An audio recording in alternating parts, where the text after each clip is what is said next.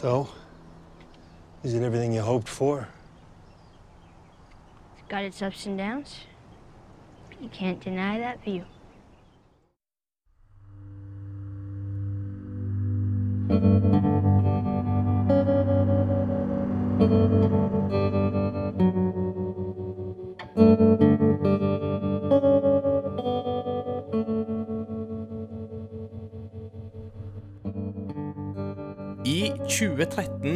Kom spillet The Last of Us til PlayStation 3, og det var få som kunne se for seg hvor banebrytende og hvor god mottakelse dette spillet her kom til å få. Ti år senere så er The Last of Us nok en gang aktuelt, men denne gangen gjennom TV-serien til HBO. TV-serien er nå ferdig, dvs. Si sesong én er nå ferdig. Og da er det jo, som jeg hører bør, at vi må ta en prat om dette og snakke spoilers, gleder, tanker, eventuelle skuffelser. Vi får se hvor denne podkasten går hen.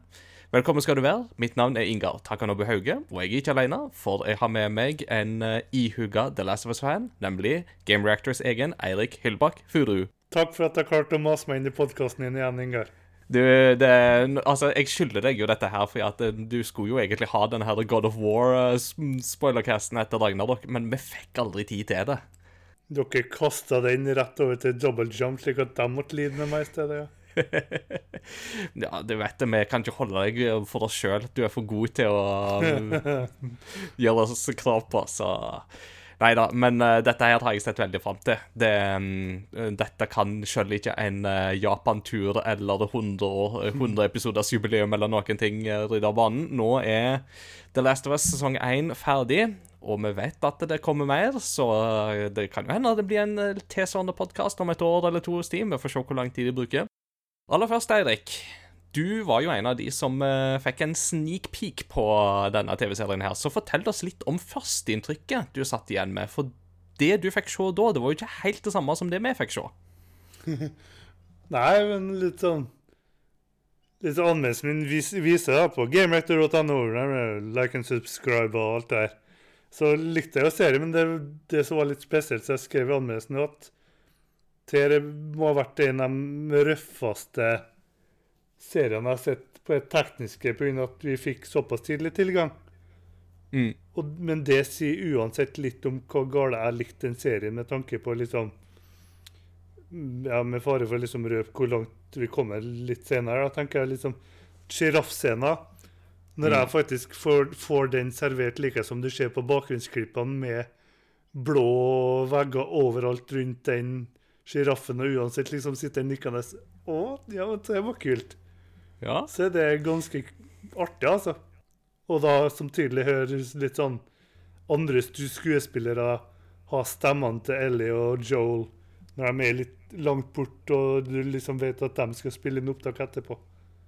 Mm. Men uansett så var det ekstra artig, for du ser hvor masse arbeid som har blitt lagt til i ettertida. Når du ser hvor masse faktisk som er spesialeffekter som du kanskje ikke tenker over heller når du ser serien. Mm. Jeg forsto det jo sånn at det er en ting som jo blant annet var litt mer sånn spesialeffekt, som du kanskje ikke tenker på, det er jo hustakene i episode tre med Bill og Frank. Fordi at uh, det tar rett og slett for mye tid å holdt på å si, rusta de ned manuelt, altså, eller la de, de hustakene gå over en 20-årsperiode, så da, måtte de, da var det lettere å gjøre det digitalt. Ja, det å se den hytten når de er og spiser middag i, i David og gjengen sin jeg vet det, er steakhouse der. Mm. At liksom du ser, du ser når det er selve huset i virkeligheten, og når det faktisk er en kuliss. For da var det store, blå skjermer i vinduene i stedet for mørke stormen utafor. Det var litt sånn sånn Ja, OK. Ja. Nei, så da har vi jo noen førsteinntrykk på plass. Og for all del, hvis du ikke har skjønt allerede nå, dette blir spoiler-heavy, så det synger etter. Så hvis du ikke vil ha noe eller av den slags, så sett deg ned og se serien, eller spill spillet, eller gjør begge deler, og så kommer du tilbake og hører på denne podkasten her. Uh, hvis jeg jo skal snakke om mitt førsteinntrykk, så var jo det naturlig nok episode én. Uh, og allerede der så er det jo litt gøy, for allerede her så syns jeg det er veldig spennende at de begynner med denne her, at de bygger på det ekstra laget med uh, Hva skal du si? Law i dette her. Med at de begynner med dette her retroklippet med sånn gammel TV-debatt fra det som må være på 60- eller 70-tallet. Og du sitter med han virologen på ene sida, så sitter du med en annen på andre sida. Bare sånn Nei, nei, nei, det er ikke virus, det er ikke bakterier. Jeg er ikke redd for det. Det er sopp. Det er det vi er redd for. Gud hjelpe oss alle når det, når det skjer. Og så klipper du med en gang til vår egen tid, og da er på en måte lista lagt. Og dette her er en veldig god verdensbygging, syns jeg. En god måte å ta TV-publikummet med en gang inn for å vise Folkens, det er dette her vi skal introdusere dere for. Det er dette det handler om. Uh, og særlig i kjølvannet av at vi har en faktisk pandemi bak oss, så syns jeg at dette er med på å iscenesette serien enda sterkere og enda kraftigere. Fordi vi har liksom gått gjennom hele denne her bakterievirusrunden. Og vi har på sett og vis vist, sett at uh, vi kan få det til, selv om man kløner det til underveis, og mange nekter for at det i det hele tatt fins. Men dette her, det er liksom enda et hakk høyere. Ja, du, du sier TV-serier, men jeg sier så det er en fantastisk måte å introdusere oss som har spilt begge spillene for den saks skyld, til akkurat hva vi har i vente. For liksom allerede der, når jeg så serien, liksom, det var jo akkurat like som for alle andre, liksom Og ja, så de, liksom, de tør å prøve noe nytt fra første sekund, liksom. Og da, da samtidig få en rask oppsummering av hva det egentlig er. Litt hva folks innstilling nok var til, dere i starten. Liksom, for han blir jo flirt av frem til en sier at liksom Om det faktisk skjer, så er vi ferdig.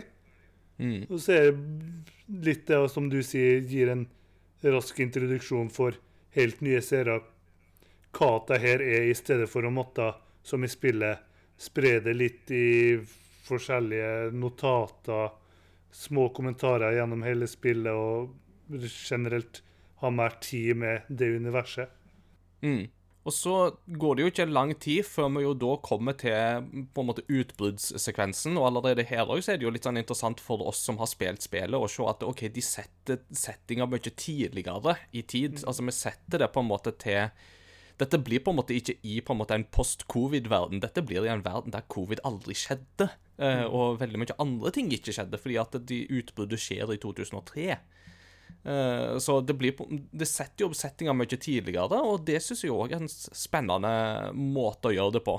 Og igjen, bare det at de tar seg tida her til, i første episode til å på en måte bygge opp den spenningen rundt, til at du merker at her er det et eller annet i gjære, det er veldig spennende. Og igjen òg, da, hvordan de da allerede i første episoden legger noen sånne hint til skal, altså Seinere så får du jo noen sånne teorier om ja, hva var det egentlig som gjorde at det, dette her spredte seg. Jo, nei, Og det òg er jo sånn Det er jo sånn et spørsmål som vi som seere eller spillere tidligere bare har måttet spekulere på, men nå kommer de med inn universe theories. Og da er det jo dette Nei, det var nok øh, Man antar at det var sånne vanlige bakevarer, eller vanlige matvarer. Altså sukker og suk Sukker- og pannekakemiks, var det vel omtrentlig de snakket om. Og hva er det Joel ikke spiser i den første episoden? Jo, det er Han får ikke bursdagskake, han får ikke pannekaker, fordi at øh, de har glemt å handle, rett og slett. Det liksom Og det det, er som var artig for meg unnskyld, men liksom artig for meg når jeg så det andre gang. Liksom, liksom Første gang tenker ikke noe særlig over det. Men når han da sitter liksom Først med den kaka, da, og så med frokosten, hvor liksom har den helt inntil munnen. Jeg bare andre gang jeg bare Mind blown! Ja, Så han er liksom så nærme. Og liksom, liksom Hele historien kunne liksom blitt ferdig der om han bare hadde tatt en liten matbit. Mest sannsynlig for litt sånn helt i siste episode, så liksom Det er vel faktisk egentlig bare han som ville klart å holde Ellie i live gjennom til eventyret. Ja, altså, mest sannsynlig så Det er jo vanskelig å se for seg at noen andre kunne klart samme jobben. Uh, og det er jo Og det liksom, alt leder jo på en måte til siste episode i denne serien her. Og det er jo litt av det som er spennende Spennende òg. og så, når all denne spenninga har bygd seg opp, og hele denne utbruddet skjer, så er, får vi jo en jaktscene som jo, for oss som har spilt det, det Da satt jeg og var mektig imponert, for da satt jeg og følte at dette er jo nesten frame by frame Uh, den største forskjellen er at nå går det i 24 frames. Altså Her går det 24 bilder per sekund, og ikke 30 eller 60. Men så bortsett fra det, så var det, det er jo nesten liksom klipp for klipp, den her jaktscenen, helt til de konfronteres med soldaten. Uh, og det Igjen, altså Har du ikke, holdt jeg på å si sipgrene når du har spilt spillet, så er det jo farlig nær når du ser serien òg. Altså, du vet hva, du kom, hva som kommer allikevel. Det, og det var et sånt Det var for meg var Den scenen der Det var et litt sånn make or break-punkt. Altså, for her skal skuespillerne, og her skal TV-serien og produsentene Her skal de testes, for den scenen der er så ustyrtelig viktig for å sette den emosjonelle stemninga for serien. Uh, og det er jo en scene der jo Troy Baker storspiller i 2013-spillet. Og allikevel, Peder Pascal får det så utsøkt til. Uh, og da var på en måte scenen satt for meg. Da var på en måte mi, Mitt første inntrykk var liksom stoppe på en måte etter første halvdel av første episode, for deretter så er det liksom bare Nå, nå er vi i gang. Nå er vi virkelig for alvor i gang. Dette her kommer til å bli bra. Men litt før det ikke du tenker om det at du får se mye mer av Sarah, da, og for all del skuespillervalget der. Mm. Ja, altså, vi kan jo ta det med at du får se mer. Jeg, jeg syns jo at det er jo òg, som sagt, med på å bygge opp på den der spenninga, med at du merker at her er det noe som er gale. Og når du òg ser hun her eh, gamle bestemora i nabogården som har sånn Nei, ikke snu deg, hun kommer til å ta deg! Og så går det heldigvis greit, men du bare merker på en måte at Å, her, her. Her er det så fort gjort at ting kommer til å gå galt. så uh, Det var en sånn veldig spennende sekvens for meg. Uh, og når det gjelder skuespillervalg, så bringer det jo oss videre til på en måte neste punkt i diskusjonen, nemlig castinga. Um, og der syns jeg jo at um, Jeg, jeg syns jo Sarah var veldig, veldig bra casta. Jeg syns at Sarah spilte veldig godt det hun var med. Uh, og noen er jo sånn at de har jo på en måte reagert litt på at uh, hun ser jo ikke ut som hun gjør i spillet. Men da er jo spørsmålet Ja, men gjør det egentlig noe? Var det avgjørende for at denne historien skulle få det samme emosjonelle s- gut-punchen i starten som det du får? Nei, egentlig ikke. Og da særlig når Joel har en annen bakgrunn for et annet land, da, egentlig. Liksom Det ville ikke gitt helt mening å hatt Du skal ha noen spesielle gener for å få ei blond, ganske lys dame når det er Pedro Pascal, altså. Så Det kan jo hende han har veldig recessive gener, da. Det, det vet vi jo ingenting om. Men eh, Nei, og igjen, altså Det har så lite å si for på en måte historien sin del, og da gjør det jo egentlig ingenting. Særlig fordi at vi ser jo aldri mor til Sarah, og da må vi jo bare anta at eh, dette er som vanlig det er i USA, at folk finner hverandre på tvers av eh, bakgrunner og etnisiteter. Og da er et barn som Sarah er resultatet. Og det gjør som sagt ingenting for historien sin helhet. Pedro Pascal på, sin, på den andre sida er jo bare et funn. Altså Var det noen gang tvil om at han skulle bli en bra Joel? jeg hadde mine tvil. Men det er litt det? at det, er, det er jo litt av at liksom, sist jeg så han var jo i The Mandalorian. Og jeg er jo av typen som synes at han blir litt Men Ikke godt brukt, synes jeg, Mandalorian. Han blir litt, litt nøytral, og da at stemmen hans ikke får Både stemmen og selvsagt ansiktet ikke får den samme utfoldelsen som han får i The Last of Us. Mm. Så, men igjen, allerede i første episode så begynte jeg å tenke liksom Det her kan faktisk bli ganske bra. Mm. Og det er jo, Han har jo allerede erfaringer med å spille i én serie der han som en middelaldrende vokter må lede et, eh, en mindreårig gjennom farefulle ferd. Altså, han kan godt spille det i en annen serie òg. Jeg, frykt, tror nok at han kommer til å holde seg langt unna sånne roller nå før han blir helt typecasta. Han har funnet sin nisje, får vi vel si. Men eh, det er klart at når vi snakker om mannen som har spilt både Oberyn Martell og eh, Pablo Escobar, så tenker jeg at det, da har han vist en range. Og faktisk òg Wonder Woman 1984. Vi må ikke glemme at han kan spille slesk eh, sales pitcher for 80-tallet òg. Life, is Life good, is good. but it can be better. Yeah. Uh, det, det er sånn for meg som viser hvor range Pedro faktisk har. Uh, og ja, jeg tror ikke vi trenger å være bekymra for at han skal være redusert til sånne røffe og røffe, grøffe roller sånn som dette her. Selv om han eier det jo definitivt. Altså, det er Jeg tenker så å si aldri på at dette her er noen andre enn Joel, og det gjennom hele, hele linja, rett og slett. Og så har vi jo da eh, Bella Ramsey i rollen som eh, Ellie. Og hva tenker du der? Hvordan føler du det har gått? Fremragende. Litt sånn første, episode, første og andre episoden tenker jeg litt sånn sånn Jo, hun har sine øyeblikk, men samtidig så er jeg, igjen Jeg synes at Ashley Johnson gjør, gjør, hun siden kanskje får mer, en nydelig rolle som Ellie i spillene. Så litt sånn enkelte scener der i første og andre episode hvor jeg tenkte liksom OK, det er ikke Ashley, men, men hun er for all del hun er flink. Men så har du litt det når du leser brevet i episode tre, Mm. og nå er det langt men allerede da tenkte jeg OK, hun her er god. Hun, da ble hun Ellie til meg. Mm. Så har du den scenen i ja, Etter at du har tatt David, da, for å si det sånn, Mm. hun gjør der, Mm. da, da tenkte jeg OK, Gio er min, det her er For akkurat det øyeblikket kommer jeg til å huske lenge, bare de detaljene, men akkurat det kan vi ta senere. Men Mm. jeg synes jo helt klart gjør rollene strålende. Så er jeg litt bekymra med tanke på sesong to nå, med tanke på hvor mange år som skiller der i spillene. Mm. Og nå at to er Pedro, da, som håper at de får starta på sesong to allerede i høst, liksom ett år for hun relativt lille jenta der da. Og da Mm. blir den karakteren der Det skal bli interessant å se. Ja da.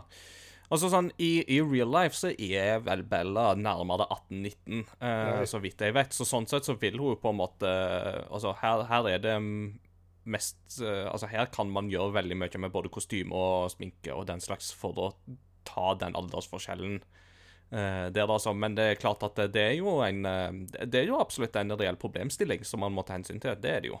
For, for min egen del så tenker jeg jo at uh, dette er jo en rolle som er veldig veldig vanskelig å fylle, uansett. Og ikke minst så blir jo ikke den lettere av at den som må fylle de skoene, må være ung.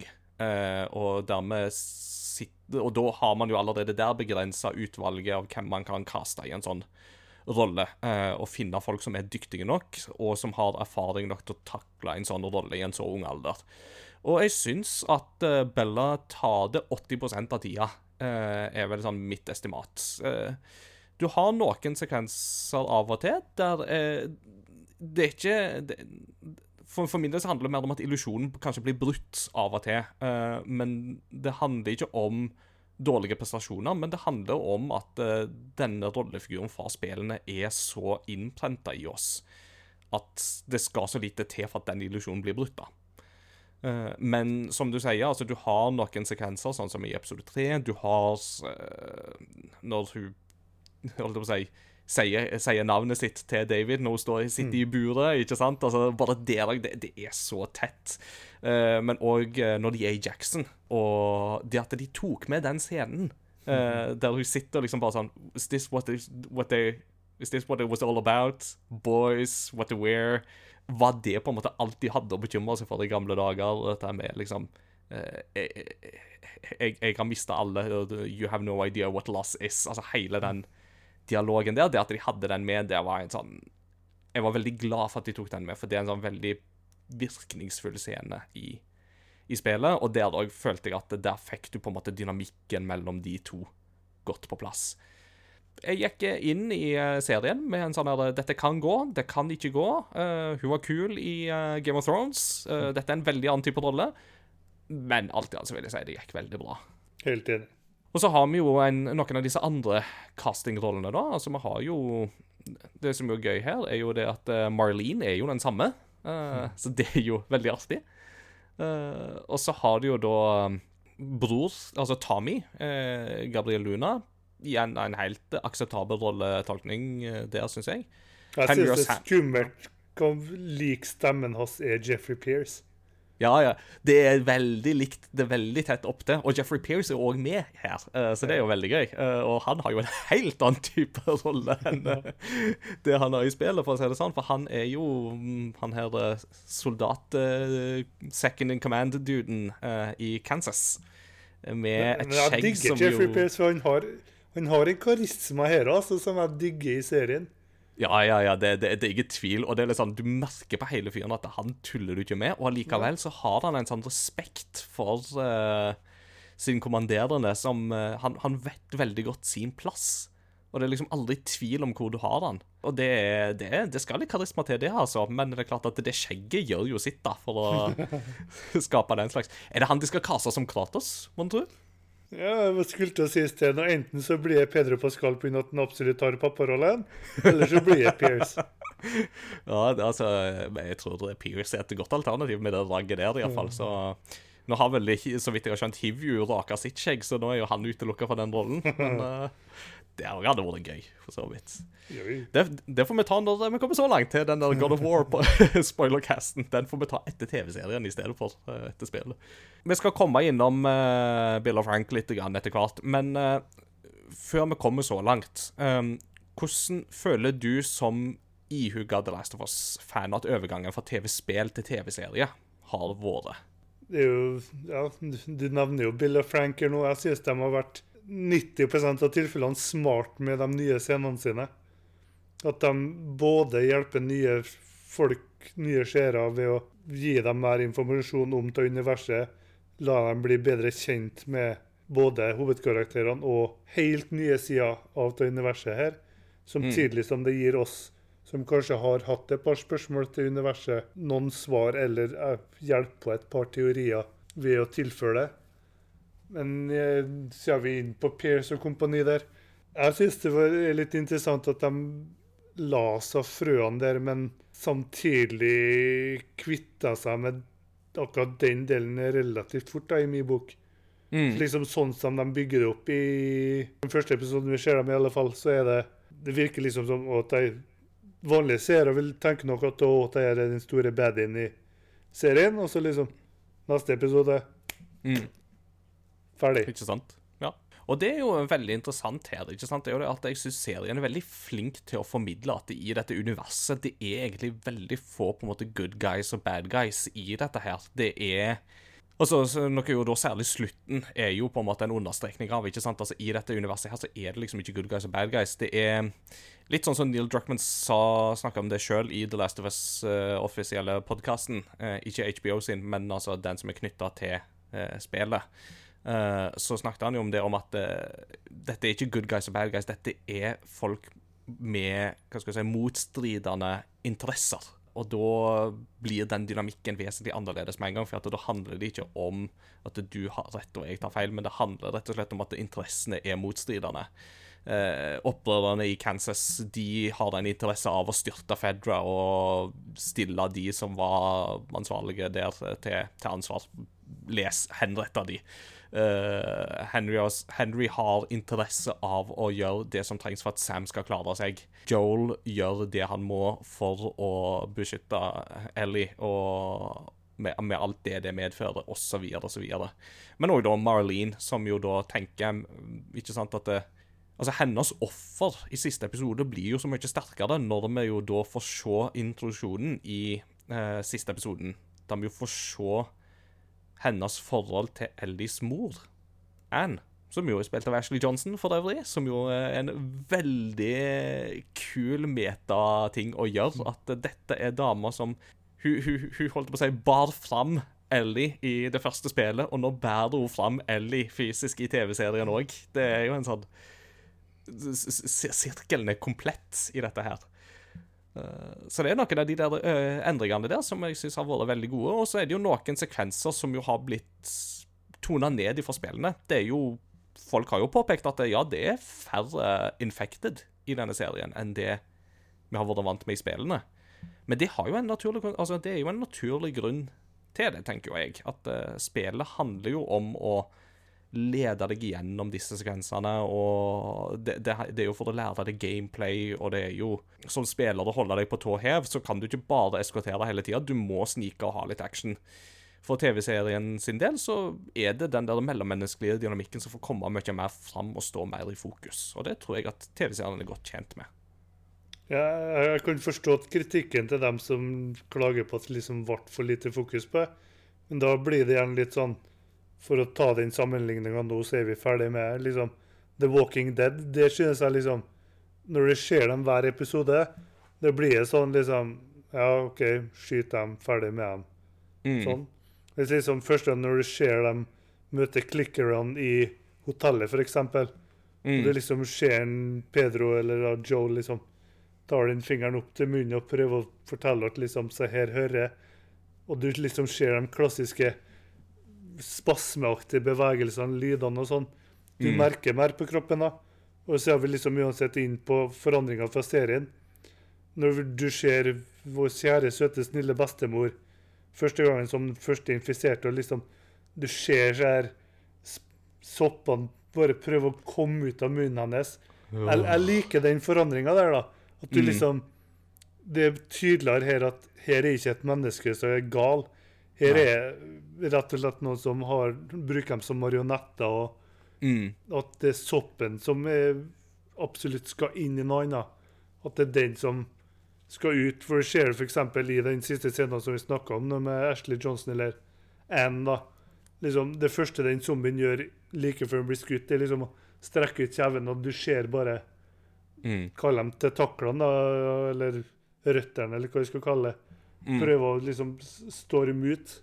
Mm. For liksom For å disse... komme klare seg, ikke sant? For å komme Ja. seg videre, for å overleve. Så er jo da igjen, da Men igjen, bare for Vi kan egentlig ta han allerede nå. Både tidsskiftet og hvordan de infiserte kommuniserer, skal bli veldig interessant å se i sesong to. Mm. For det må føre til en del endringer i sesong to.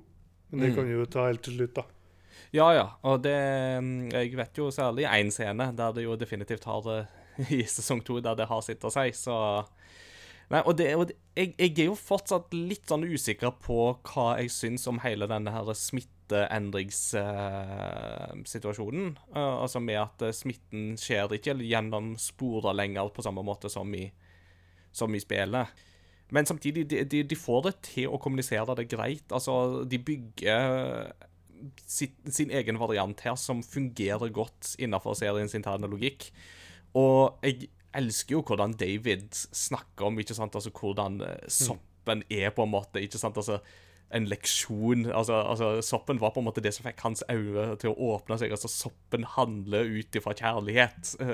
nærmest, altså Det er jo, det er jo gal manns tale, dette her, men det er jo samtidig jo bare sånn Wow. Det er jo en jeg, jeg ser logikken din. Det, det er bare et ravende galt premiss, men Men jeg ser det jo, så Hva du synes om den castinga, forresten? For jeg digga jo Nolan North som David i spillet. Eh, ja, vi kan jo godt snakke litt om, uh, om David der. Uh, selve castinga syns jeg jo er veldig, veldig god. Altså, jeg får jo den der fryktinngytende følelsen av David, som jeg jo absolutt får av spillet òg. Eh, med på en måte hvordan dette bygger seg bare på en måte sakte, men sikkert opp til å være på en måte en karismatisk leder som bare er eksepsjonelt flink til å skjule hvor av hengslene han faktisk er for å overleve. Uh, det det syns jeg absolutt kommer fram her. Uh, men her kommer jo min personlige kjepphest, og det er jo denne her med at eh, ja, han er kannibal, han er pedofil. Måtte vi gjøre han til en karismatisk forkynner òg? Uh, Skulle det akkurat liksom spørre om det etter det. ja, for at uh, Jeg hørte Så sent som i dag så hørte jeg jo um, Trey Baker snakke om dette i podkasten Play Watch Listen, da han snakker om sin opptreden som James. Uh, veldig gøy å se Trey, Troy Baker bli drept på uh, sent for øvrig. uh, men, men han begrunner jo dette her med at når hva skal vi si, de håndfaste tingene opphører Eh, altså mat, sikkerhet, eh, arbeid, altså samfunn osv., så, videre, så er det hva skal vi si, de u... Hva skal jeg si, de immaterielle, eller de, de på en måte ikke like håndfaste tingene som blir sterkere i fokus. Og de som jo da etablerer lederposisjoner i en sånn kontekst, er jo da de som er i stand til å mestre denne lysten etter det immaterielle, eller det ikke håndfaste. Og på sett og vis så kan jeg jo kjøpe det, og at det er jo det er jo nok altså det er jo mange karismatiske sektledere som har på en måte det utgangspunktet der. Men det er jo den der personlige kjepphesten som jeg har med at eh, hvis du skal på en måte først ha på en måte noen religiøse mennesker inn i dette bildet her altså Den der stereotypen med at du har liksom en sånn karismatisk sektleder som utnytter religion til egen vinnings skyld, eh, blir litt sånn passé? Er det et riktig ord å bruke her, da? Ja, det, det var liksom det første som slo meg an når jeg så serien tidligere. liksom Litt som du sier, her har du kannibal. Du har noe som du egentlig bare kunne nøyd deg med å si hva er sagt.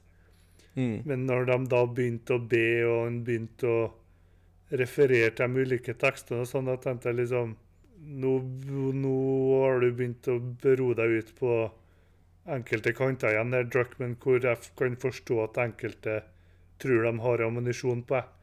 For Mm. det blir liksom Det blir for masse glasur på den kaka. Mm. Selv om igjen jeg kan forstå, og litt som Baker å si kan forstå tankegangen, men kunne muligens tone litt ned med tanke på hvor masse David begynner å snakke om cordyceps og sånn, og Mm. nesten får det til å høres ut som en religion i stedet. Ja. Og det er jo liksom det. Altså, det, det blir jo litt det at det blir smurt litt for tjukt på. Er jo det som er mitt problem i dette her. Altså, det, det er jo ikke det at jeg har problemer med på en måte verken religionskritikk eller å på en måte stille Lage holdt på å si, karismatiske ledere som har sine svin på skogen. altså, Det, det tenker jeg jo er en velkommen ting i moderne populærkultur, og som vi absolutt på en måte skal ha. Men det er jo litt den med at det er en samtidig en sånn karaktertype som har blitt brukt veldig mye. Det hadde nok Vi fikk jo godt nok inntrykk i spillet av at David var en veldig vemmelig person å måtte forholde seg til. Bare med de karaktertrekkene han hadde der. Eh, så jeg vet egentlig ikke om dette var på en måte et tilskudd som man trengte. Eh, men igjen, altså det, det, det, jeg innrømmer jo at dette er jo en personlig kjepphest, ikke sant? Og det jeg, jeg har samtidig ikke problemer med å se at eh, det tilfører serien noe òg. Det, det kan jeg jo se. Eh, Jeg er bare ikke sikker på om det liksom var den endringa som var der de lyktes best, da. Men det er ikke den verste implementeringa av det du har sett. Nei, det er det jo ikke. Eh, og festlig nok så må vi jo som spillere her trekke en parallell med David og Joseph Seed i eh, Far Cry 5. For at, eh, hva er det disse her eh, holdt på å si, apokalyptiske sektlederne er glad i? Jo, det er Johannes' åpenbaring. Det er det de leser fra. De leser ikke fra resten av boka, altså. Det, det, De har aldri lest resten av boka. Nei, nei, nei. nei, nei. De er liksom motsatt av um, han eh, pastoren i Simpsons, eh, for han er jo veldig glad i liksom alt det der gammeltestamentlige, og så spør de jo eh, Doesn't the Bible say 'love thy neighbor'? Yes, but it's somewhere in the back. så det har ikke så mye å si.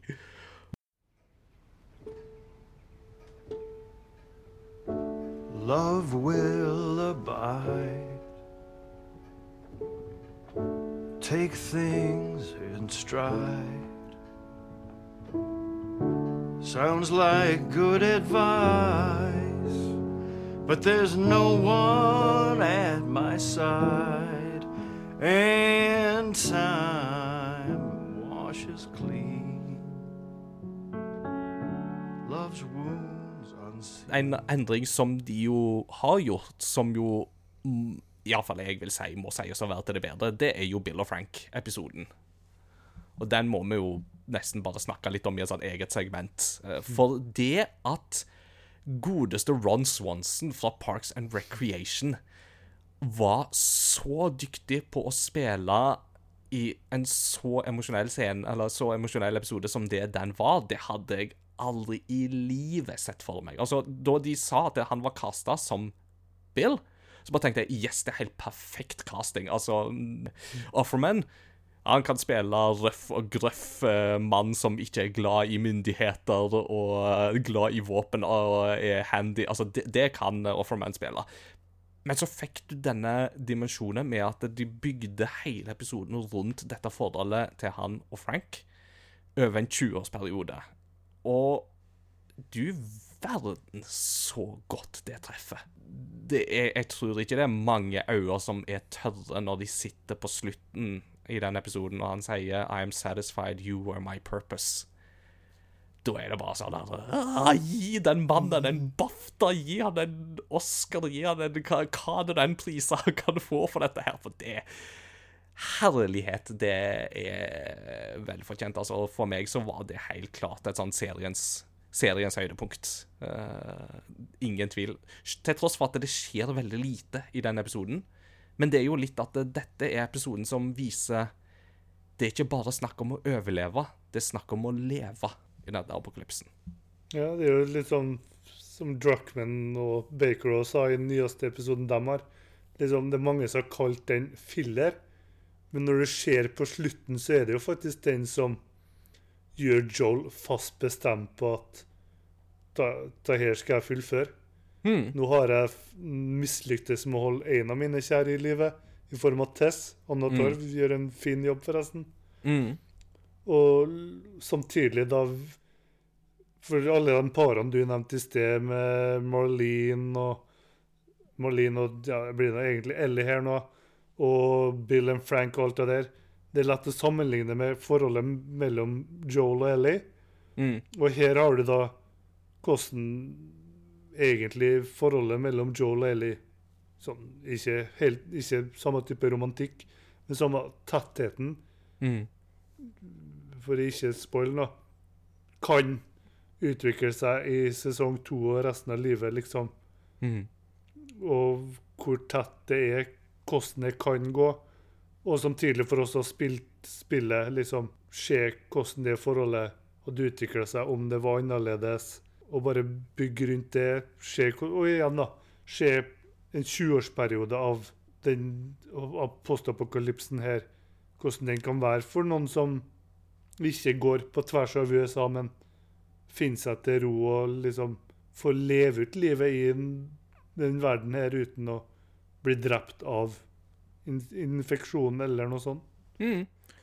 Og bare, bare tanken òg, ikke sant, på at her har du en sånn ytre høyre radikaler som eh, er glad i sine våpen og sin property, og som definitivt ikke stoler på myndighetene. Ja, hva det snakk om? At uh, I, I can't sit around listening to a man talking about how the government's run by Nazis. The government is run by Nazis! Well, it was now, but not then! Så, men, men det å se hvordan en sånn rollefigur kan benyttes til å skape en sånn varme, og ikke minst da med tanke på at eh, ja, for svært mange som jo er på, på en måte på den hva skal du si, ytre høyre radikale sida i USA, ikke sant, med preppers og don't, altså, don't tread on me og hele den der bevegelsen der, så er jo det med homofil legning definitivt et hva skal vi si, en, et tabutema, vil jeg jo tro. Det visste jo brukeranmeldelsene òg. Ja, ja, ja. Og igjen så er jo dette her et veldig interessant fenomen, fordi at uh, spillet gir jo på en måte en veldig subtil, men samtidig umistakelig eh, referanse til, ikke sant? Altså That's Frank, he was my partner. Og så blir det bare med det. Men bare det hadde jo en ekstremt sterk betydning i um, Altså, Jeg husker jo ikke navnet, men du har jo en av disse Naughty Dog-ansatte som jo da han søkte jobb og ble spurt i jobbintervju Ja, bare yeah. sånn helt ærlig Hvorfor er det oss du søker til? Så fortalte han jo at dette med Bill og Frank var For første gang så følte han seg på alvor representert som skeiv i et dataspill. Ikke på en karikert eller parodisk måte, men altså en helt jordnær, reell, ekte skildring av eh, homofilt partnerskap og eh, det, det, det å, hva det hadde å si, da. Og det, det syns jeg jo òg denne episoden her får fram utrolig sterkt. Det, og du kan jo da, fordi det har ligget i spillet hele tida, så kan du ikke beskylde dem for at de gjør dette bare for å tekkes et eh, politisk korrekt publikum. For det er bare sånn, Nei, dette har alltid vært i spillet, på samme måte som at Ellie alltid har vært skeiv, hun òg.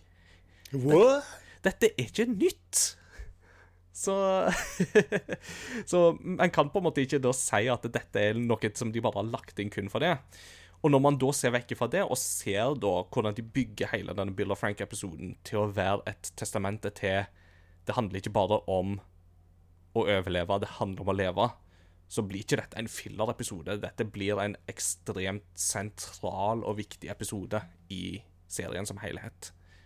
Og som sagt, fordi dette er jo det som da overtaler Joel til slutt om at eh, dette skal han fullføre, det som han har begynt på.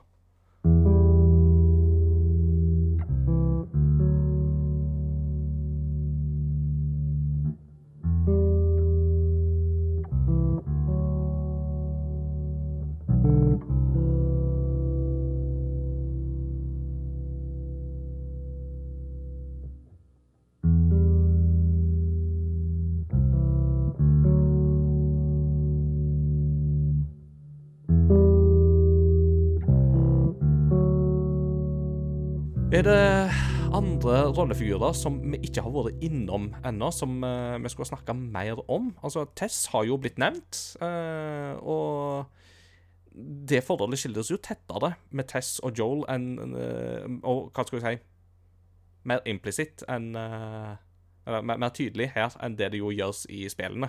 Ja, liksom igjen, der òg var det jo Spillet gjør det jo ganske klart det jo at det, det er noe der. Mm. Selvsagt når du ser i showet at de liksom de ligger i samme seng og faktisk har et såpass tett forhold, og du samtidig får en litt bedre indikasjon på hvor langt Joel er villig til å gå uten å tenke et sekund på dem han elsker. liksom Om noen skader dem han er glad i, Mm. så er han villig til å gjøre noe. for liksom Sånn som hun liksom bare prøver å få roa ned med en gang han ser øyet, så er det liksom Det er ikke spørsmål om hva som har skjedd, det er spørsmål om hvem som har skjedd. Mm. Liksom Hun, hun må behandle med ned og liksom Jeg har det her under kontroll. Jeg tenkte òg på det med Kathleen. Tenkte jeg jo òg er en rollefigur som er interessant å snakke om. For hvis jeg tenker etter, så kan ikke jeg huske at hun er i spillet. Så dette er jo en figur som er skrevet inn i, uh, i serien. Og jeg syns jo det er en veldig interessant rollefigur, fordi at uh, dette er for meg en sånn rollefigur som bare sånn Når jeg i utgangspunktet ser henne, og når jeg i utgangspunktet hører henne, så tenker jeg at dette er jo ikke en lederskikkelse.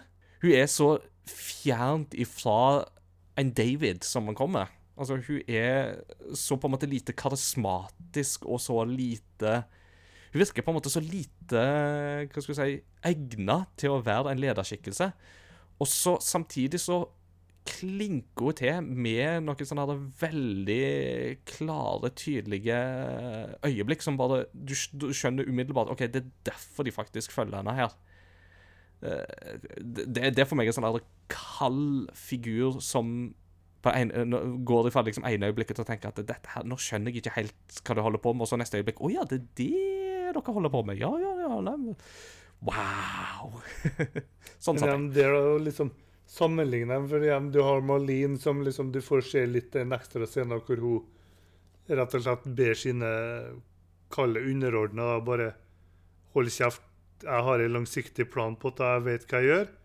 Så har du Kathleen, som er litt mer sånn spontan, liksom Går han til red, red, red, det red Brian? Nei? OK. Tilbake til vår kjære lege. En av de få som fortsatt i, legene som fortsatt er i live innen verden her. Mm. Bang, ferdig. Liksom Mm. sånn. Så har du Davies som ligger litt sånn Liker heller å manipulere liksom etter å ha slått.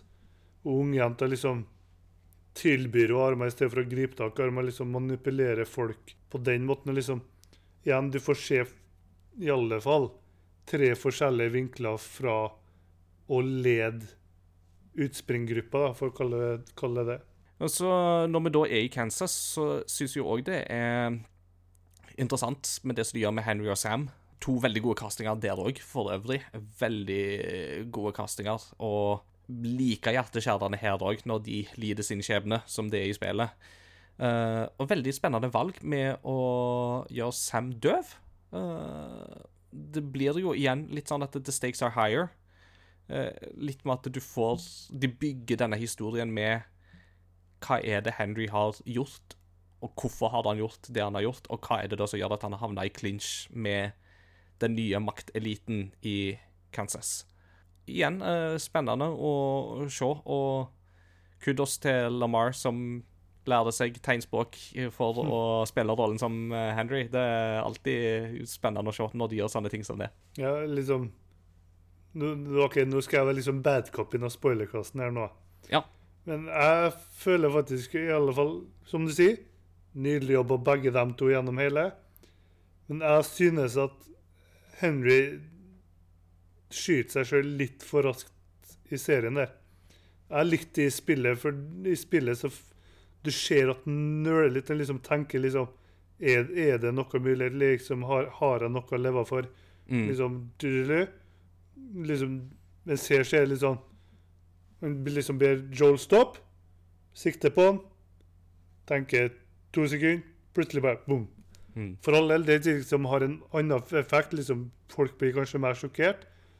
Men for, for, for meg i spillet så synes jeg det var litt sånn Det traff meg mer, for du ser liksom hvor galt han sliter med liksom, Du kan se for deg det at han nesten så brødreforholdet der liv, hele livet deres går i sirkulasjonen i hodet hans bare liksom å se er det igjen i hele tatt noe, og så bestemme seg for å ta da den mest alvorlige utveien, for å si det sånn. Mm. Og dette bringer meg, bringer meg jo òg til et par sånne endringer som de òg har gjort, som er knytta til Joel, som jo jeg syns er litt spennende. For det første så er det jo dette med at Joel forteller jo om sitt eget selvmordsforsøk eh, i siste episode. Og forteller om sitt eget arr, ikke sant? Og det blir jo veldig i kontakt Altså, det blir på en måte desto sterkere når du da ser Eller tenker tilbake på Henry tenker jeg. Fordi at uh, i det øyeblikket der så går Henry gjennom akkurat samme som det Joel må ha gjort på det tidspunktet for rundt 20 år siden. Det er bare at Henry klarer det Joel ikke klarte den gangen. Og det igjen bringer oss jo da til Joel i påfølgende episode, der Joel åpenbart sliter med alle disse traumene som kommer tilbake til han, og at han rett og slett dette er en sårbarhet ved Joel som vi ikke ser i spillene. Eh, og som gjør han så mye mer menneskelig i min bok. Fordi at det viser at selv den hardeste, mest hva skal du si, utspekulerte overlever i dette universet her, er ikke heva over sin egen syke, og ikke heva over eh, traumer i dette her. Det blir for mye, rett og slett. Det var jo litt interessant for min del, for jeg- så jo Fikk jo tidlig tilgang og ble jo helt hekta, så jeg liksom så det her i Så vel de sju første episodene på rad, tror liksom Når han begynte å holde seg til hjertet, tenkte jeg liksom OK, sånn de har tenkt å gjøre liksom skaden, i stedet for at den detter ned to-tre etasjer ned på en metallbit, liksom. Er det liksom bare en kjedelig måte at en har en hjerteinfarkt eller noe sånt? Så liksom begynte å tenke på det, så var jeg Å nei, det er det han reagerer på, ja. Ja, oh, ja. ja de tenker så Ja. Det var det, og da liksom forstå at det var deres måte nesten å kutte ned litt på noe spillet bruker lang tid på, på å styrke forholdet der, og da vise at det er mest akkurat i den perioden her flashback tilbake til hva som skjedde med Sarah. At det er det han er redd for skal gjenta seg, at han skal mislykkes igjen. mm. At det er det som presser på han, og da fortelle det på den måten i stedet for enkelte lengre sekvenser i spillet. Mm. Og som du sier da, viser at den faktisk relativt sårbare karen her er såpass hard når han må. Og apropos eh, metallstang, så eh, den uh, snor de seg jo litt sånn unna, da, med at han blir jo bare stokke denne gangen. Men det er jeg for så vidt litt glad for, for at den scenen i spillet, den er bare sånn fæl. Hver gang det kommer de som bare sånn Nei, au, au, au, nei, uff. Fysj. Ikke at det er så mye bedre at folk blir stabba, men det, det, det kan jeg alle. Altså, det er jo sånn eh, Seen it. It's only a flesh wound. Så er det jo interessant å ta for seg slutten òg i dette her. Eh, siste episoden ligger jo veldig tett opp til spillet, på mange plan. Med sjiraffer og alt, eh, som du jo fikk vite sjøl. Det ekte sjiraffer, det var ikke CG, det. Det var Can't deny that view, rett og slett. Jeg måtte liksom begynne å tenke litt sjøl når jeg så sjiraffen. For liksom, det er jo litt annet lys da, pga. at det ikke er faktisk er et ekte rom. Så jeg begynte liksom at Har de bytta ut noen sjiraffer? Så titter jeg litt, og så Nei, jeg tror nå det er ekte, ja. Mm. Og da særlig når du begynner å spise ut av Ellis sine hender, da. Mm. Og der igjen det er litt artig å se serien to ganger og bare se reaksjonen til Joel. For selvsagt først i da, siste episode så liksom er han Han merker at det liksom Han skal alltid minne Ellie på de stundene de hadde artig. Mm. Liksom Jeg skal lære deg å spille gitar. Remember, remember. Mm. Uh, liksom Det husker ikke akkurat hva det er, men det more, den hermetiske maten han finner, er jo Mm. det samme som de spiser første natta de ligger ute i skogen der. Mm. Det er liksom alt av der. Og da begynner en litt å tvile. liksom, Har jo jenta her blitt skada psykisk nå pga. det hun har vært gjennom, at de ikke klarte å beskytte henne?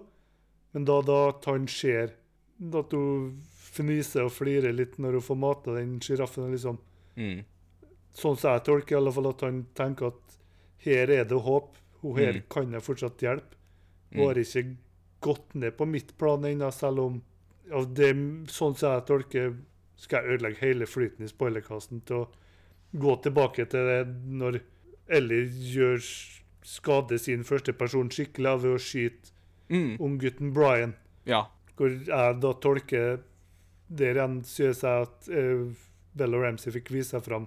Mm. At hun først skyter den, og så har du en Det er faktisk et godt skuespill av han unggutten som liksom skriker etter mammaen sin. liksom ja. sier veld, Veldig raskt med gang blir skutt. 'Å nei, slapp av, slapp av, det, det, det er ferdig. Slapp av. Ja, ja. Vi kan være venner. Jeg, heter Brian. Hva heter du?' Mm. Litt sånn, og da du ser jeg liksom tenker For hun har jo begynt å se opp til Joel, slik at jeg tenker at hun liksom tenker Nå skal jeg faktisk klare å knerte han her og bli akkurat like som Joel og kunne overleve her, men hvor Joel liksom sier Slapp av, gå bak veggen der. Mm. Og hun går litt sånn samtidig både bestemt, men både, samtidig skuffa og redd for For det første at hun ikke klarte å skyte den, Mm. men samtidig nesten redd for hva Joel skal gjøre med den personen. Og liksom hun forstår hva gale det er.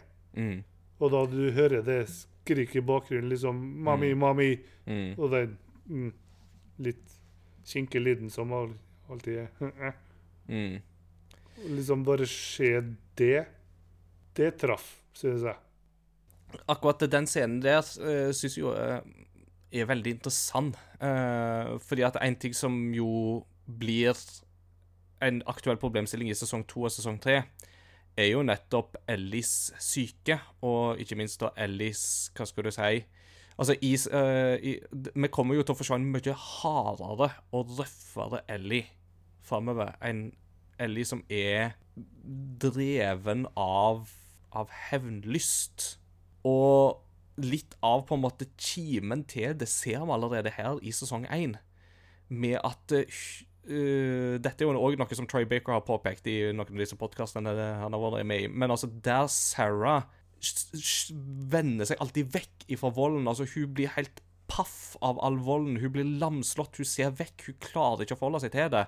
Hva er det Ellie gjør når de konfronterer han soldaten i første episode? Hun lener seg inn for å se. Altså, hun trekkes, hun trekkes til volden. Og det er jo litt det som òg ja, det og- det òg er litt sånn innvirkende i den scenen med Brian. Samtidig som at hun er ennå ikke helt klar til å på en måte bikke helt over ennå. Men hun har det anlegget i seg, Uh, som jo forteller veldig mye om hun, samtidig som at det ikke fortelles Altså, dette er show don't tell, uh, på en veldig dramatisk måte. Men at hun òg får lov å fortelle at uh, det, det, det var faktisk ikke første gang at jeg skjøt noen. Det har skjedd før. Og det er når du skjønner hvem det er, at hun har faktisk tatt livet av Riley. Da er det bare sånn Wow, den er, den er mørk, men det må jo faktisk ha gjort for at hun skulle ha klart å overleve sjøl. Så det er jo en eh, dramatisk ting. I hele den der uh, niende episoden der som du snakket om med på en måte altså Joel som jo Altså Det forholdet som jo Joel viser til Ellie der i starten av episoden, ikke sant? Altså den omsorgen som han jo viser for henne, det er jo Den katarsisen der, eller den vendinga der, finner vi jo allerede i slutten av forrige episode. For det, er jo da, altså når han finner henne igjen etter at hun har drept David i ren Rent raseri, ikke sant? Altså, altså det, det er på en måte et følelsesspekka drap som skjer der. Og hva er det han sier? I got, altså, baby girl, I got you. It's okay, baby girl. Hvem var det han kalte det sist? Jo, det var jo Sarah.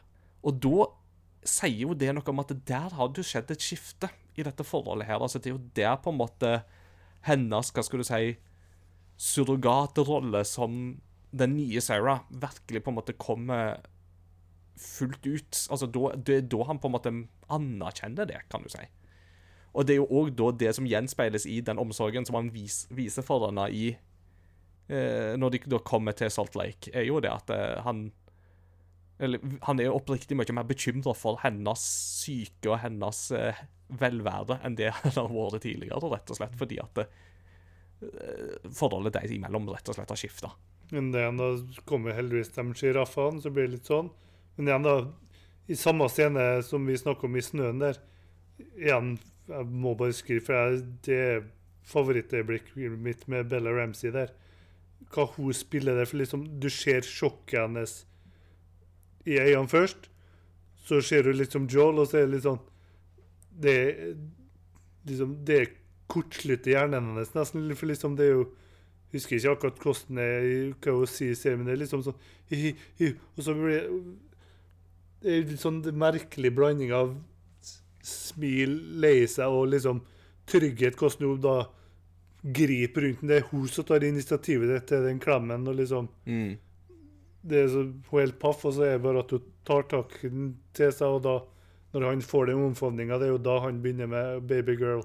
Mm. alt det der at liksom Det er da begge dem to har innsett at da forholdet er sterkt, selv om hun vel får den skikkelige tilkoblinga når han sier at liksom Det var ikke tida som lega han, Mm. og hun da bruker to sekunder på å innse, Mm. og så bare Å ja. Oh, oh, ja, okay. Jeg er glad for at den tingen ikke skjedde med deg heller, liksom. Nei. Så, å ja. Sant?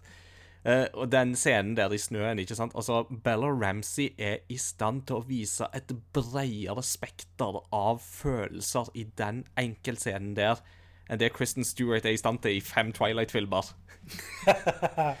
ja, kona holder på å ta meg gjennom de filmene nå, og det eneste som er gøy der, er jo å slakte de filmene. Uh, Men uh, i- altså La det ikke være tvil om at Bella Ramsey er god når du ser den episoden, altså, for det er virkelig der hun får skinne. Og som du sier, ikke sant, altså, det å gå ifra å ha på en måte myrda i kaldt blod, i ren affekt og raseri, til å koble hva er det som har skjedd, og på en måte når alle de nevronene begynner å spinne på en gang, og på en måte følelsene tar henne igjen. Ikke sant? Altså, det er jo det vi ser der. Og det er jo sånn sjokk fungerer, ikke sant? Altså, det er jo Holdt jeg på å si altså Det går på en måte et sted mellom at hjernen overarbeider til at eh, hjernen skrur seg helt av, og nærmest går på en måte fram og tilbake mellom, mellom det. Og det. Nei, det er virkelig eh, en god prestasjon, vil jeg si. Og et spørsmål til deg når du liksom holdt på å snakke om det sjokket. Hvor lenge tror du hun holdt på å hogge på David her? For liksom i spillet så kommer jo Joel og kall redde henne. Og Mm. stopper henne fra å gjøre det, men her ser du at hun faktisk For vi ser jo Hun blir jo faktisk filma lenger enn hva det er i spillet, hvor hun bare hogger rett. Så det liksom Mm. I hodet mitt så begynner det å skje at det her er jo ikke et ansikt lenger å holde på å hogge. Nei, nei. Og da liksom, her får vi se at hun faktisk får komme ut og liksom helt andpusten og liksom helt i sjokk. Dørka vet ikke hvor eller hva, hva som skjer. Mm.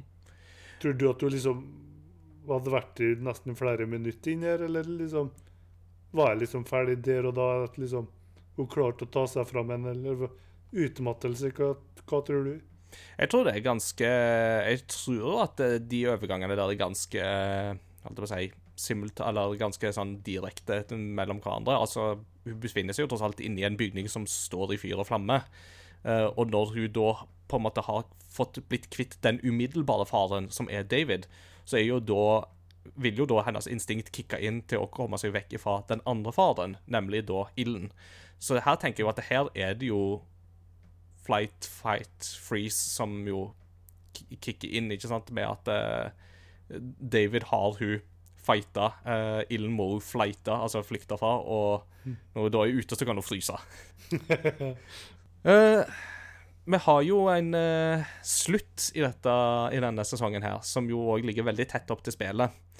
Og dette er jo veldig interessant, for nå, ti år seinere, så tar resten av verden oss igjen. Uh, etter ti år så begynner resten av verden å diskutere slutten i fillebiter, som jo vi gamere allerede har på en måte diskutert opp og ned og i mente. Med Joel som går ens ærend inn og dreper alle for fote. Og eh, in inkludert holder nesten på å ta livet av Laura Bailey eh, i sin korte, lille gjesterolle der. Som jo for øvrig er ganske symboltung, den òg, eh, når du tenker på det. Og da slutten med Swear to me, swear that everything you said about the Fireflies is true. I swear. OK. Fate to black. Eh, Q musikk med en gang. Altså, det, det ligger jo veldig tett i, og det er jo interessant, syns jeg, å lese hvordan ja, hva skulle du si, da? Den sekulære verden, eh, altså, eller den ikke-gamende verden, hvordan de ser på dette her, og nærmest prøver å diskutere seg fram til dette som om dette er si, noe bare TV-mediet nesten kan gjøre.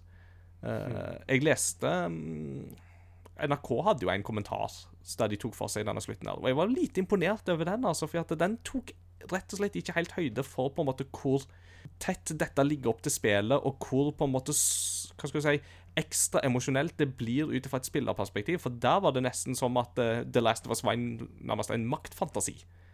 Uh, og det er det jo ikke. Altså, The Last of Us har jo alltid handla om de mellommenneske- mellommenneskelige relasjonene.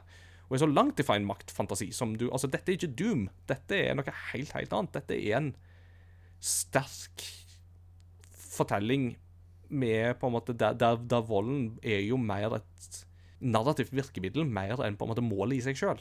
Er ekstra tydelig med tanke på igjen, skal jeg gjøre noe spoilerkast, den er ekstra lang og gå tilbake igjen. Ja, ja, Men den, men den scenen med Joel på sykehuset Når jeg spiller den sekvensen i spillet, så er jeg mer forsiktig enn hva det Joel er der. For der er Joel Han dreper alt og alle. liksom. Mm. Til og med han som liksom legger fra seg rifla. liksom. Mm. Joel tar ikke en sjanse, han plaffer den uansett. Mm. Han har skutt, skadeskutt, går bort til ham, skyter han. Mm. Her er ingen som skal kunne ta meg i ryggen før jeg kommer til Ellie. Liksom til og med Nå skal jeg nøye meg med å si legen, Mm. som Joel dreper liksom I spillet så kan du faktisk stikke skapellen i halsen på han, mens her er det bare sånn Han, han, ser, han ser ikke på legen engang. Han Nei. ser heller liksom Legen går mot den. Pang. Mm. Ferdig, liksom. Er, det er ikke snakk om å være forsiktig, mens i spillet så er jeg faktisk jeg, sånn, så jeg, jeg tror Naughty Dog der vil at du skal være litt mer snikete på slutten, for der er i alle fall tre forskjellige tilfeller hvor du kan snike deg forbi tre-fire fiender som springer forbi. Og liksom, her er du som bestemmer liksom hvor går det Mm. Joel og klikker, og hva han er villig til å gjøre. Mens i serien så er han jo Det var kanskje ja, det er tre personer han sparer. Det er Laura Bailey, andre sykepleieren. For de utgjør ikke noe fare, for da har jo han Nelly allerede. Mm. Og så har du det jeg syns var interessant, da Noen spekulerte at det var Abby, men det har jo Druckman og gjengen sagt ikke. Mm. At ene gangen det skjer noen som faktisk klarer å springe vekk. Mm. Liksom, det eneste, resten slakter en jo. Mm. Så det var dårlig NRK. Ja, det, og litt bare det òg, ikke sant, med at eh, denne her, hva skal du si Denne her tryglinga som du jo får fra enkelte av de når, det går, når han går der, ikke sant. Altså, Selv det er jo ikke forbeholdt TV-serien heller. altså Særlig hvis vi da trekker inn The Last of Us Part 2, så er jo det noe som jo The Last of Us Part 2 gjorde veldig veldig godt, var jo nettopp hvor menneskelige disse rollefigurene faktisk var. Og det gjør jo opplevelsen desto sterkere. Ikke fordi at um, gamere er psykopater som elsker å plaffe ned alt for fote, men fordi at det øker den der realismen og innlevelsen som jo òg da Hva skal jeg si Får fram den gruen da, som jo òg TV-serien har. Nei da, The Last of Us er ikke en uh, maktfantasi. Det, det er slett ikke. Da spiller vi Doom og Doom Eternal. Da får vi maktfantasi. Rip and tear. Men du, du holdt på å snakke her om oss som gamere sånn med den aller siste scenen. Mm. Har du forskjellige tolkninger fra spillet i forhold til serien? For det fikk jeg litt, nemlig. Altså, jeg tenker jo fortsatt det som jeg jo alltid har tenkt etter det første spillet, og da bare da det kun var ett spill. Eh, og det er jo Ellie vet veldig godt hva som har skjedd. Ikke sant? Ellie vet godt at når da Joel sier til henne 'I swear', så hvis det er han sverger noe på der, så er det ikke det at det han sa om Fireflies, var sant. Da er det noe helt annet. Uh, jeg tror at Ellie vet veldig godt hva som har foregått her, men hun aksepterer likevel bare at OK, da er, da er, da er det det narrativet vi bygger på dette. Hvis det er det narrativet du vil bygge, så får det, så får det være sånn. Men jeg vet ikke om det, var, om det svarte på spørsmålet ditt. Uh. Jo, jo. For litt, det er litt samme jeg tenker, for i spillet så tenkte jeg liksom Jeg føler at hun er litt mer i tvil i spillet. For liksom, det er litt sånn Hun er litt mer sånn Hun tenker litt mer, og det er litt mer den OK, vi, vi fortsetter, men det kommer jeg til å fortsette å tenke på. Mens liksom det jeg leste i øynene til Bella Ramsey, og liksom litt mer ondskapsfull, skal jeg ikke si, men litt mer sånn såra. OK, i serien så er det mer litt så du sier, at hun vet at her har han bestemt seg rett og slett for å lyge. Her er noe som ikke stemmer, og da derfor i part two av to mm, drar tilbake til samme plassen, spoiler warning, mm, og liksom får det bekrefta. Så liksom Men igjen, det har jo litt med at Naughty Dog kan jo gjøre ørsmå endringer i øya og alt i spillet, mens her er Bella Ramsey uansett gjør en fremragende jobb med mm, I hans ansiktsuttrykket sitt med at her tenker hun at nå lyver han, rett og slett. mm. Men igjen, at hun er villig til å gå med på det fordi at hun føler at det nok er en mening bak det. It can't all be for nothing.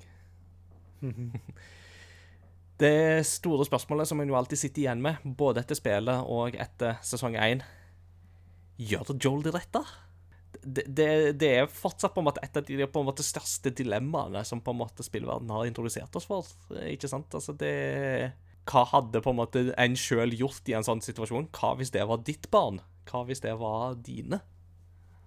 Du og kona di har vært sammen i mer enn hva ti år, har dere ikke? Ja, omtrentlig til høsten så har vi vært sammen i ti år, ja. Det er riktig. OK. For du spilte da mens forholdet deres var relativt ferskt, da? Ja, det vil si, da For, for, for å stille spørsmål jeg har lyst til å stille, da. Ja. Tror du at om du bytter ut Ellie med din kjære frue nå, mm. tror du at du ville tatt samme valget som Joel for ti år siden, og ville gjort det samme valget nå? Mm.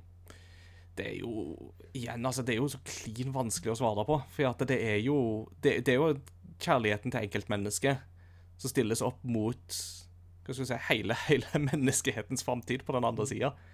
For å være helt ærlig, det er et eh, dilemma der som er sånn Noen ganger så er det Joel som helt klart gjør det rette, no questions asked. Andre ganger så er jo han mannen som dømmer menneskeheten til å gå til grunne. Og hva, hva er det du holder på med? Uh, det, du må jo tenke The need of the many outweighs the needs of the few, or the one. Du må huske Wrath of Khan! Du må huske Wrath of Khan! uh, Ja, men så var det det Marlene sier, liksom Hun sier ikke at det er en kur. Hun sier 'think', om jeg ikke husker feil. mm, He thinks mm, it'll be a cure, eller et eller annet sånt. tror jeg.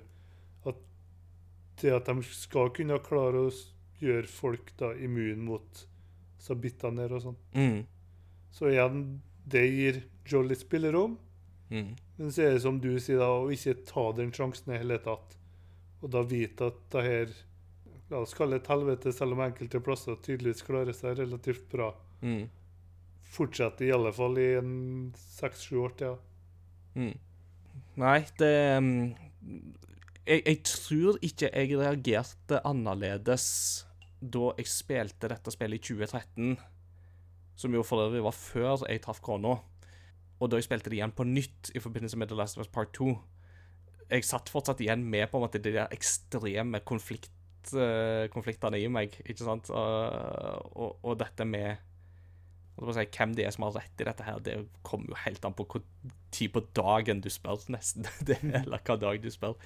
Dette er Men igjen, det er jo det som gjør det så på en måte god TV, og så god fortelling, ikke sant, er jo fordi at virkeligheten er ikke dette med svart på hvitt. Og det var jo, som jo Neil Druckmann sa igjen òg, altså, det er ikke good guys og bad guys, det er people with different Altså with conflict of interest. Det er det det går på her. Ja, og så skal jeg røpe siste episoden av den offisielle HBO-podkasten, om det er greit? Ja, Ja, ja. Det er her det er med i det, sier, det snakker Druckmann om selvsagt valget her, da. Og han sa at når de tok playtesting for selve spillet, så var det sånn 50-50 som mente at det var greit ikke av dem som ikke hadde barn eller noen kone, Mm. mens de så hadde et barn eller en kone som de eller, unnskyld, partner de var veldig glad i, 100 Mm. sa at det Joel gjorde, var riktig. Mm. Ja, og det er særlig den der med det, det relasjonen mellom foreldre og barn er jo på en måte det avgjørende punktet her, tror jeg jo absolutt. Og det er jo noe som jo kuer inn til noe jo Druckmann har snakket om i forbindelse med The Last of Us Part 2. For der har han jo I den forbindelse så har han jo snakka om eh, for, for Druckmann er jo israelsk av opprinnelse. Han og hans far satt og så på nyhetene en gang da det var snakk om at israelske myndigheter løslot ganske mange palestinske krigsfanger, eller ganske mange palestinske fanger for å få tilbake én israelsk soldat. Og Druckmann spør jo sin far hva, hva, hva tenker du, er dette riktig av de å gjøre? Eh, og faren hans svarer jo at uh, ut ifra et rent politisk perspektiv, og ut ifra et sikkerhetspolitisk perspektiv og nasjonalt perspektiv, så er det helt feil av de å gjøre. Men som far hadde gjort akkurat det samme. Jeg husker ikke første gang Druckmann sa jeg hørte det, så tenkte jeg faren det må ha vært veldig fornøyd med seg sjøl. Når han satt der og bare Yes, den satt. det Ja, det, og det, det, det sier alt, tenker jeg jo her. ikke sant? Altså, Dette sier jo på en måte om noe om hva er på en måte til syvende og sist det som er viktigst for enkeltindividet her. Det er jo de som står oss nærmest. Og da kan verden brenne, nesten. Det, men det er jo litt sånn hadde en eh, Ja, ikke hvem som helst. Jeg var jo eh, i bursdag forleden eh, helg med jo eh, Christian, som jo har vært programleder her tidligere. Og da snakket han jo om det knytta til hva skal si, det med klimaendringer. Eh, for at uh, ut ifra et klimaendringsmessig perspektiv så er det jo klart at det, ja, man vil på en måte Alle de tingene man kan gjøre, alt ifra holdt på å si, grep i hverdagen til å ikke få barn i det hele tatt. Men med en gang man blir forelder, så er det forskning som indikerer at da skifter jo det perspektivet. ikke sant? For da vil du at ditt barn skal ha det bra, og da trykker du på den CO2-knappen, selv om du vet at det er holdt på å si, Du dømmer verden til å gå til grunne, fordi at eh, samtidig så vil du at barnet ditt skal ete, du vil at barnet ditt skal ha klær, du vil at barnet ditt skal ha det varmt og greit i hus og hjem osv., osv. Selv om du vet at eh, den måten å leve på, det, det, det er ikke eh, bærekraftig. da. Før vi kommer helt til slutten, så må vi jo snakke om eh, Ashley Johnson sin scene i episode 9. For den er jo veldig interessant med at her får vi jo faktisk bakgrunnsmateriale for hvorfor er det Ellie faktisk er immun. Får vi et svar på det? Får vi et skikkelig svar på det? Vi får i alle fall en ekstremt eh, tungtveiende teori, tror jeg vi kan si her, som indikerer noe om hvorfor dette faktisk er tilfellet. Og så vidt jeg har skjønt, så var dette et konsept som de faktisk jobba med i Naughty Dog back in the day, men som de da ikke hadde mulighet til å inkludere i spillet. Så dette er en forklaringsmodell som de har gått og tygga på i ti års tid. Og jeg må si at jeg syns det fungerer veldig godt. Altså, dette er tingenes omstendigheter som bare er Altså, du skaper en sånn situasjon som er utrolig vanskelig å gjenskape med på en måte en kombinasjon av fødsel og angrep av en infisert på en og samme tid, som da lar deg kutte navlestrengen akkurat i tide til at du får noen som da kan bygge opp en slags form for immunitet, og samtidig ikke Altså, dette er sånn herre series of weird circumstances som bare skaper en sånn Wow, dette her, det er kløktig gjennomtenkt, syns jeg. Ja, liksom, liksom Sjefer de skulle testa dere en lab, da. Nei, ikke kutt navlestrengen nå. Vent, vent, vent. Vente. No. No. Nei, funka ikke. OK, men da Neste. Liksom, igjen da, alle tilfeldighetene som leder til det eventyret. Liksom, Joel ikke spist titt og datt. Igjen en soldat som gjør det Joel ikke gjør, ved at han faktisk er villig til å ofre to tilsynelatende uskyldige personer, selv om han ikke vil. Mm. Liksom Hadde han fått fullført jobben sin, så hadde kanskje ikke sett noe sånn. Masse sånne liksom butterfly-effekter rett og slett. Og artig å tenke for meg, som er helt The Last of Us-geek. og Bare tenk om det har vært i virkeligheten, liksom. Hva sm små endringer som kunne ha gjort ting annerledes. Mm. Men bare for å tilfelle noen av lytterne dine skriker ut her. Left Behind-episoden, tanker om den? Ja, jeg har jo skjønt at uh, Mortal Kombat-knappekomboen er jo helt feil. Du trenger, ikke så, du trenger ikke fire inputs for å få en eh, Når du først har fått finish him opp, så holder det med ett knappetrykk, har jeg skjønt. Eh, og det her må jeg jo bare ta det ut ifra hva andre folk har sagt, fordi at Mortal Kombat 2 har jeg veldig lite erfaring med. Altså, jeg syns at episoden fungerte godt. Jeg syns at uh, det å gjenskape dette kjøpesenteret var artig. Jeg likte alle spillreferansene jeg plukka opp i Arkaden, og det var jo ikke så rent få, så det var jo det er jo alltid en glede når den slags ting blir tatt på alvor. Veldig morsomt å se ja, hva er det folk plyndrer når eh, de først kan plyndre. Nei, det, de, de, de, de, plyndrer joggesko. Altså, ja, ikke såpe. Folk var dumme, altså. Men det er jo litt sånn at eh, Litt sånn paralleller til hva skal du si, covid i USA. Hva var det folk i USA hamstra først? Altså, toalettpapir og hermet, eh, Det var én ting, men hva var det liksom amerikanere hamstra som ikke andre folk hamstra? Våpen. folk er dumme. Ja. Ikke Amerikanere er dumme. Ja, det Norge ville være selvsagt tatt det viktigste først. Ja, ja, ja, ja. Det med, for det var ingen i Norge som hamstra under noen omstendigheter. Bare, det var ingen i Norge som dro på Vinmonopolet for å stå der i kø for å hamstre det, liksom, ikke sant? Og, nei. Nei, vi skal, det, vi skal ikke begynne covid-podkasten. Det, det blir en helt annen, helt annen eh, ramse.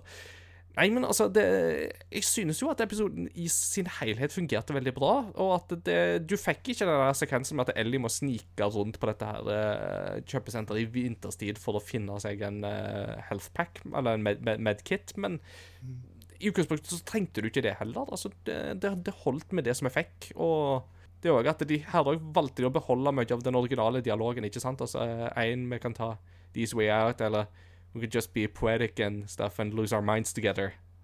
Og bare sånn Yes, det Sånn skal det være. Det er dette gamerne vil ha, iallfall. Og det fungerer godt på TV òg. Eneste skuffelsen min var lydmiksen når det var Take On Me. Jeg synes den er altfor lav. Mm. Burde vært mye høyere. Men forhåpentligvis så får vi det i sesong to. Det gjør vi nok. Og vi skjønner jo nå hvorfor Ellie er så glad i a-ha. Dette har blitt poda inn helt fra fødestua av med The Sun Always Shines yeah. on TV. Altså, yes, dette Her har de tenkt eh, Det er ingenting som er overlatt til tilfeldighetene. Helt til slutt, hva tanker har vi om sesong to og sesong tre? For de har jo langt på vei bekrefta at uh, det blir to sesonger til. Um, Som Druckmann igjen spesifiserte tidligere i uka, liksom. De har jo bare fått grønt lys for altså en, enda en sesong. Men det som jeg skrev når liksom, de bekrefta andre sesong, at om de faktisk har lyst til å gjøre like stor rettferdighet til The Last of Us Part 2 som de gjorde én, så må dette enten bli en 20 episoders lang ep- sesong 2, eller så må de allerede egentlig ha fått litt sånn, i alle fall hviska til seg greit, dere kommer mest sannsynlig til å få en sesong 3. Mm. Hvis ikke så blir Vet aldri hvordan de kommer til å fremstille det, om de faktisk kommer til å dele opp like spillet eller blande dem to. Jeg håper at de gjør like spillet at liksom sesong to avsluttes der nå. Mm. La oss kalle det første del av part to avsluttes. Mm.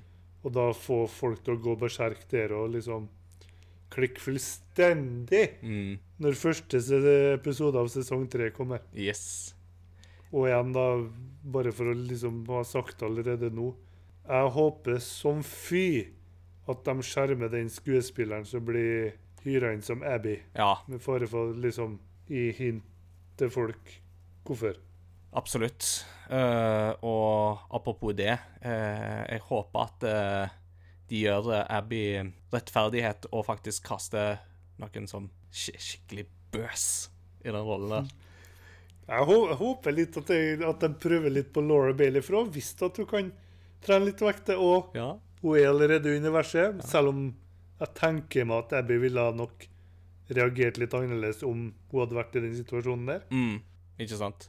Hva, hva, hva var det med, Var det vi som snakket om det tidligere? Når det var snakket om ja, hvem håper med, blir casta i den rollen, da? At det var Ronda Rousey som var slekt ut som aktuell kandidat? Jeg tenker at nei, det, det funker nok ikke. Da- Men, eh, Da tror jeg at jeg stopper på sesong to, ja, ja, men, men hvis du kan få noen med liksom eh, Noen som er litt yngre, men har liksom litt av det samme MMA-anlegget i seg, da tror jeg at du får noen som kan bli veldig tøff. Cecilia Brekkhus hun eh, har vel sikkert litt fritid når hun ikke mm, Hun har vel mer eller mindre pensjonert seg nå fra boksekarrieren, har hun ikke det?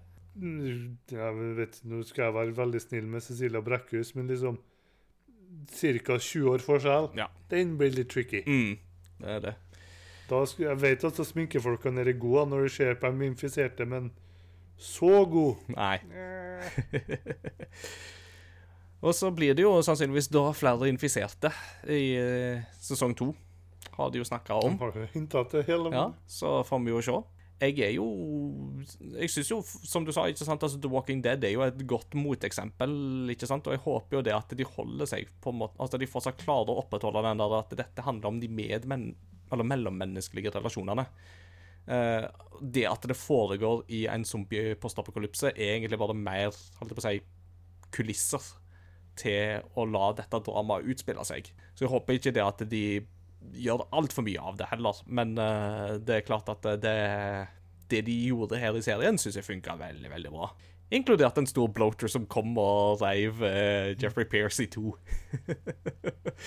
Han rev, rev ikke ja, han rev inn i to, men han rev av hodet. Den samme ene dødsanimasjonen fra spillet. Ja, ja, ja. Altså, Den var jo veldig interessant å se når den ikke var ferdig, for liksom Da skjer du, du, du ser bare at han med drakta og litt CG liksom tar tak i hodet inni munnen på en Pierce liksom og bare Dyrt. mm, Og så detter en Pierce i bakken. Så liksom, når jeg da fikk se her andre gang, liksom Hodet. Ferdig. mm. Men igjen, da den vil, Det ville ikke hatt samme effekten, føler jeg, om vi hadde sett en horde som tar der gå berserk tidligere i serien. eller noe sånt. Det er liksom Forsto du at til og med noen godt bevæpt, gruppa her ble jo nærmest tilintetgjort til i løpet av to-tre minutter? Mm. Nei, uh, jeg tror vi har kommet til veis ende, egentlig, i, uh, i dagens spoilerrunde. Det har vært en uh, berg-og-dal-bane, og det har vært en eh, Det har vært ni gode uker å være The Last of Us-fan. For en som sjøl har iallfall noen søsken som jeg er ganske sikker på at dette her er noe jeg er ganske sikker på at de kommer til å like. Men de er ikke typene som tar seg tid til å spille, annet fordi de har ikke PlayStation. Dette her er på en måte den gavepakke Dette er bare sånn gavepakke til de å bare kunne si at her, dette må du få med deg. Og det er sjelden i sånn mediesammenheng at jeg liker å bruke ordet 'må få med', men dette her er, vil jeg si, dette er på grensa til obligatorisk. Selv ti år seinere så synes jeg at det, denne historien her har jo holdt seg knakende godt, og det sier jo noe òg om hvor bra det originale spillet faktisk er. Nå var jo du flink til å oppsummere det som jeg trengte Jeg vet ikke hvor mange ord det var i en anmeldelse, men liksom Du sier at det er en liksom må skje-serie. Det blir jo, Nå er jo veldig mange som har brukt den liksom den beste spilladaptasjonen av en til, liksom inn i en TV-serie noen gang. Så enkelte som bruker litt den beste TV-serien generelt. Hvor datt den på lista di, føler du? Jeg har jo på en måte alltid tenkt at spillet i seg sjøl er jo veldig filmatisk anlagt. Ikke sant? Og at dette er jo eh, Det at denne historien ble fortalt gjennom spillmedier, var jo for meg bare en god illustrasjon på hvor sterkt spillmediet faktisk kan være eh, til å fortelle disse historiene. Fordi at eh, for det første så er det et narrativt medium i seg sjøl, samtidig som at det òg tar med spilleren og gjør spilleren delaktig i historien. Eh, Så for meg så har jo det at dette fungerer så bra på TV-formatet, når det kommer til det narrativet, er ikke så veldig overraskende. Det som overrasker meg, har vært mer enn positiv overraskelse, er jo det at de har vært veldig trofast med spillet med tanke på en del av scenene og en del av hvordan ting ser ut, osv., osv. Og det å da tenke liksom at dette er bare en god spill, altså en adopsjon, så tenker jeg jo det at eh, om ikke annet så bør dette her være et bevis for noe av det vi gamere har prøvd å fortelle verden ganske lenge, nemlig det at eh, noen av de beste historiene du får i moderne populærkultur, får du faktisk gjennom spillmediet. Det er der du får God of War, det er der du får The Last of Us, det er der du får Red Dead Redemption 2, det er der du får A Plague Tale. Det, det, dette er historier som fungerer utrolig godt, uavhengig av hvor glad du er i Mario og Pikachu og Tetris. Så ikke liksom kims av de historiene bare fordi at de kom i spillmedia, for eh, The Last of Us demonstrerer jo at dette er historiefortelling på sitt beste, altså. Så på den OSO og alle kjempe superduper viktige skalaen 10, hvor ville du rangert den, og hva vil du at sesong 2 skal gjøre annerledes for at du kanskje skal bli enda høyere opp, om mulig? Ja, jeg tenker at uh, veldig mye av sesong to vil jo være Altså, Bella Ramsey får en veldig tøff rolle i sesong uh, to.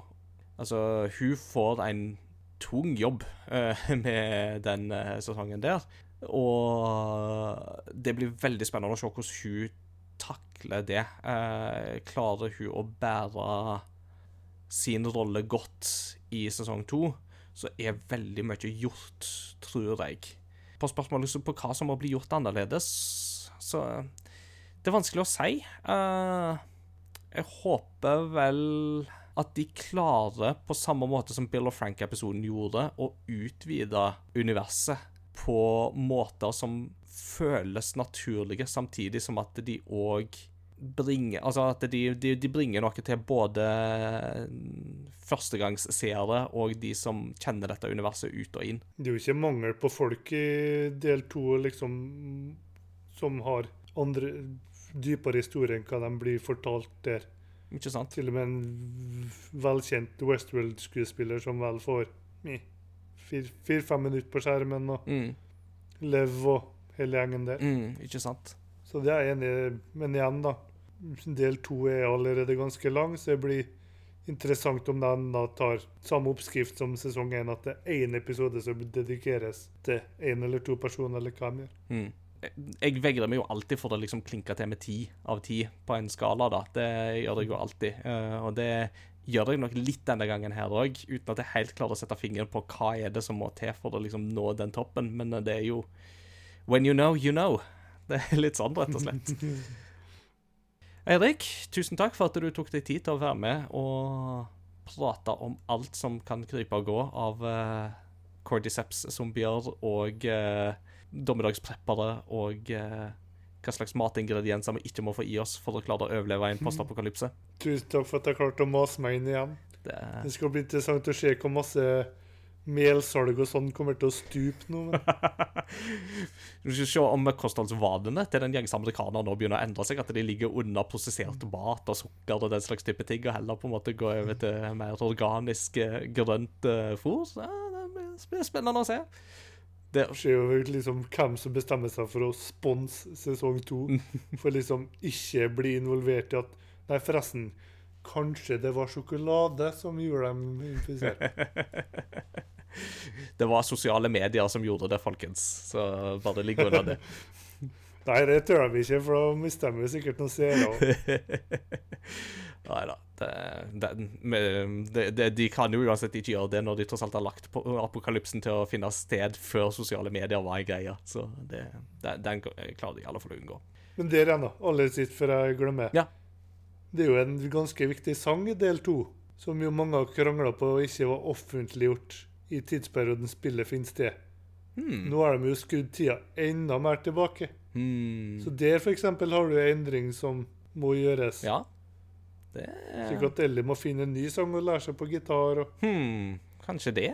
det er faktisk et poeng. Det har jeg ikke tenkt på. Det, Eh, De nevnte annet i siste podkasten her nå liksom hva de skal gjøre med. hmm.